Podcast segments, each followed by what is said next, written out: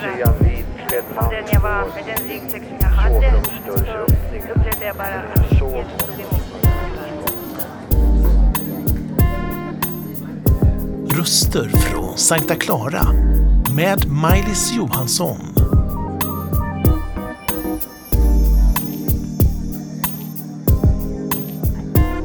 Eh, välkommen Mats Nyholm, vår nya direktor och min tredje direktor på Sankta Clara på bara nio år. Idag ska jag intervjua dig med stor glädje. Det känns härligt i mitt hjärta. Och jag börjar med att säga välkommen att berätta din bakgrund först och främst. Ja, men, tack så mycket. Så roligt att få vara en liten pusselbit i Klaras bygge och än mer i Guds stora pussel som han gör över jorden. Eh, jag eh, kommer från Västerås. Eh, fick växa upp i en bra och trygg familj med mamma och pappa och två stora systrar. Och sen när jag var 16 år så frågade mamma mig om jag ville åka med på ett läger med kyrkan. Och det var där allting började. När började det. Eh, jag har hört förr de här berättelserna att läger, där fann de Jesus. Jag har också hört tvärtom, att de inte fann Jesus. Men du fann honom, vilken tur, vilken nåd. Eh, när man finner Jesus, och nu är du en man som är 40 år och du har ju vandrat många år. Vad var skillnaden från död till liv? Ja men eh, jättestor skillnad tycker jag. Eh, jag hade väl en vanlig tillvaro innan jag blev kristen. Jag hade inte råkat in några större problem, jag hade inte hamnat i droger, jag tyckte jag hade bra folk runt mig och eh, funkar bra i skolan och så men men jag tror att jag hade en ganska dålig bild av vad kyrkan egentligen var. Eh, och då när jag fick komma med i henne och liksom se vad kyrkan både är och står för så vart jag så glatt överraskad. Eh, när eh, jag sa till min mamma först att nej, jag tänker inte åka med på det här sportlovslägret som du ville bjuda mig på. Så eh, sa hon, ja varför inte det? Och eh, jag sa, nej men jag vet hur det är i kyrkan, sa jag.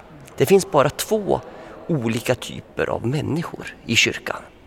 Och det är, den ena kategorin, sa jag, det är de som är superkristna. Det är de som ber hela nätterna och läser Bibeln hela dagarna. Det är den ena kategorin, sa jag. Och den andra kategorin, det är supertuntarna.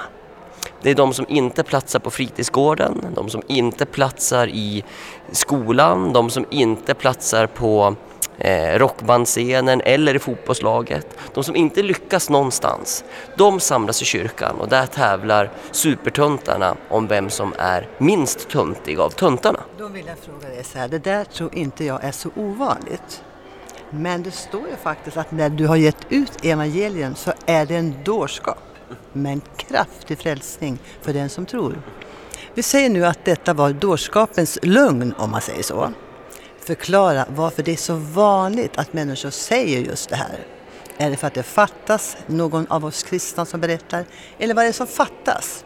För det tror jag fortfarande är över Sverige, tuntarnas tuntar liksom. Och vi vet ju att det är tvärtom, eller hur? Ja, verkligen så får man ju lära känna honom som är fylld av tro och äkthet och mod och det smittar ju av sig i en församling. Jag tror att det är någon slags falsk eh, skyddsbarriär kanske som man målar upp ut, utifrån okunskap om vad kyrkan är. Kanske tänker man att ja, men det här är människor som hoppas på sagor eller liknande. Jag märkte att jag fann ingen av de här kategorierna i kyrkan riktigt. Varken superkristna eller supertuntar. Utan jag hittade vanliga människor som var ovanligt berörda av Guds ande och eh, av hans uppdrag. Eh, och jag tänkte, kan det hända mig, då kan det ju kan det hända vem som helst. Och det är väl det jag har försökt ägna livet åt efter den, eh, den tiden, att försöka få och ge möjligheten till var människa jag möter att, att komma med och se. Det är spännande det du säger för att den som intervjuades före dig, det är ju tio stycken på, rak här nu, på raken. Han berättade att barnens bibel hade han läst. Och det har också jag läst. Och båda möttes av det vi hade sått in utan att vi förstod det. Det var inte så i din familj att barnens bibel fanns då när du växte upp? Nej, ingen barnens bibel fanns. Det fanns Gud som haver på kvällen, barnen kär. Eh, se till mig som liten är, men ingen barnens bibel. Men Gud eh, har gjort så mycket i hela den familj jag kom ifrån och idag så eh, är alla positiva eh, till att gå i kyrkan och, och eh, firar gudstjänst regelbundet, mm. vilket känns jätteroligt. Ja. Då kan vi gå vidare i ditt liv. Mm. Du mötte din hustru. Mm. Du gifte dig och ni är båda då frälsta som vi säger, kristna, född på nytt, har tagit emot Guds ande i er. Och ni har tre barn som jag bara säger, vilka barn! De är kontaktbara, man ser dem, man hör dem, det är levande det de säger, man älskar dem på en gång. Eh, att vara på platsen som du nu är, en livsuppgift som heter duga. Du ska få oss att vakna, vi som sover, om vi tror att vi sover. Du ska få oss som är aktiva att bli, gå vidare med vår aktivitet, och allt det här. Och så naturligtvis växa i Kristus. Du är ju direktor som sagt. Är det svåraste du har gjort eller är det det roligaste och svåraste? Vad ska vi säga? Ja, men det är definitivt bland det roligaste och svåraste eh, jag har gjort. Och, och eh, om man får eh, nåden från Gud och förtroendet från människor att, att få eh, bli direktor i Klara så ska man väl inte vara inställd på att det kommer att vara så enkelt eller så lugnt.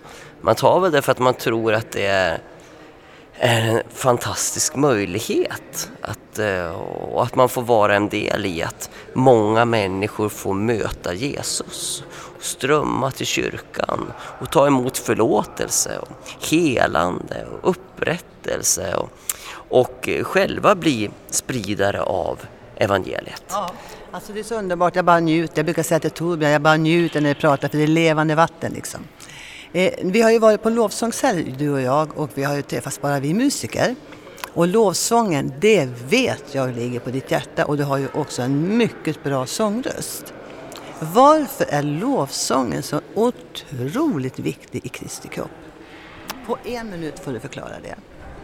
Jag tror att lovsången är väldigt viktig för Gud. Eh, gudstjänsten är väldigt viktig för Gud. Det heter ju gudstjänst. Ja. Eh, när Israels folk skulle ut ur Egypten så sa ju inte Gud att, att Moses skulle säga till farao att släpp mitt folk så att de får bli fria. Utan han sa släpp mitt folk så att de kan hålla gudstjänst åt mig i öknen.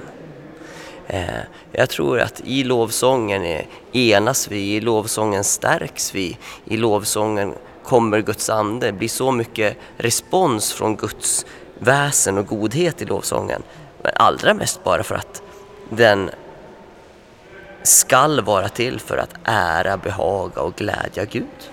Därför tror jag den är så viktig. Det märks när du tar gitarren. Då säger vi så här, man brukar uttrycka att Guds ande kommer.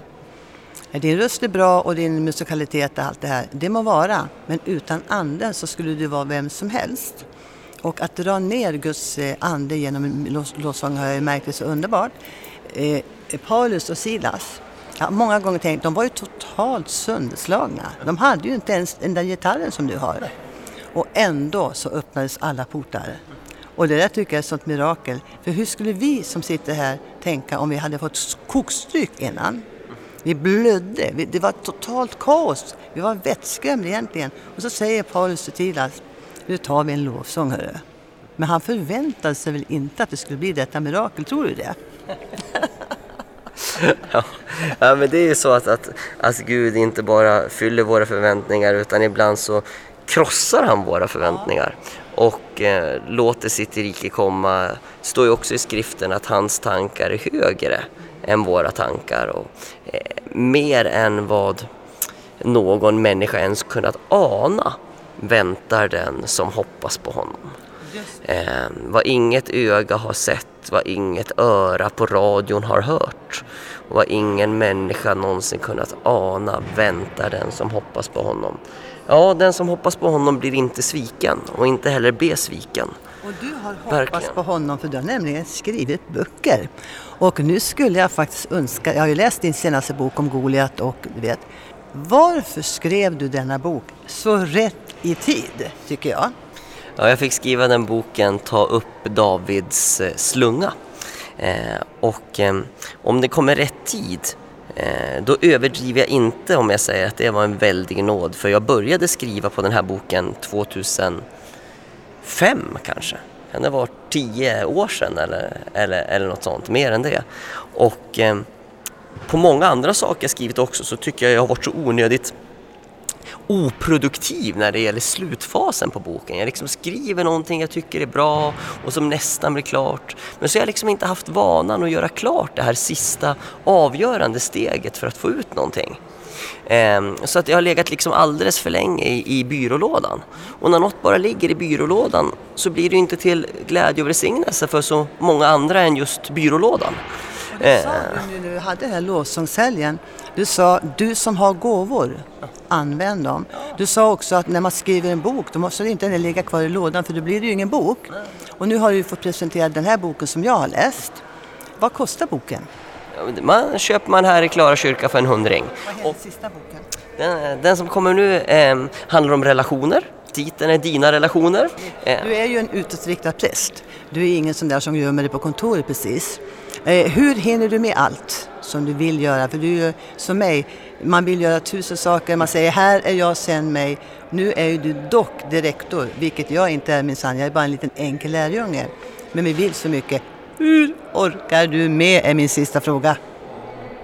Nej, men det är ju så att, att vi gör oss en björntjänst om vi jämför oss med varandra. När vi människor jämför oss med varandra så hamnar vi oftast ja, antingen i högmod, om man är bättre än någon annan tycker man. Eller så hamnar man i dåligt självförtroende eller dåligt samvete om man inte kan något som någon annan inte kan.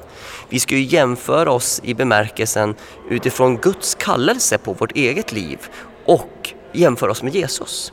Då får vi både syndanöd, vi får förlåtelse, vi får rätt fokus eh, och väg att gå.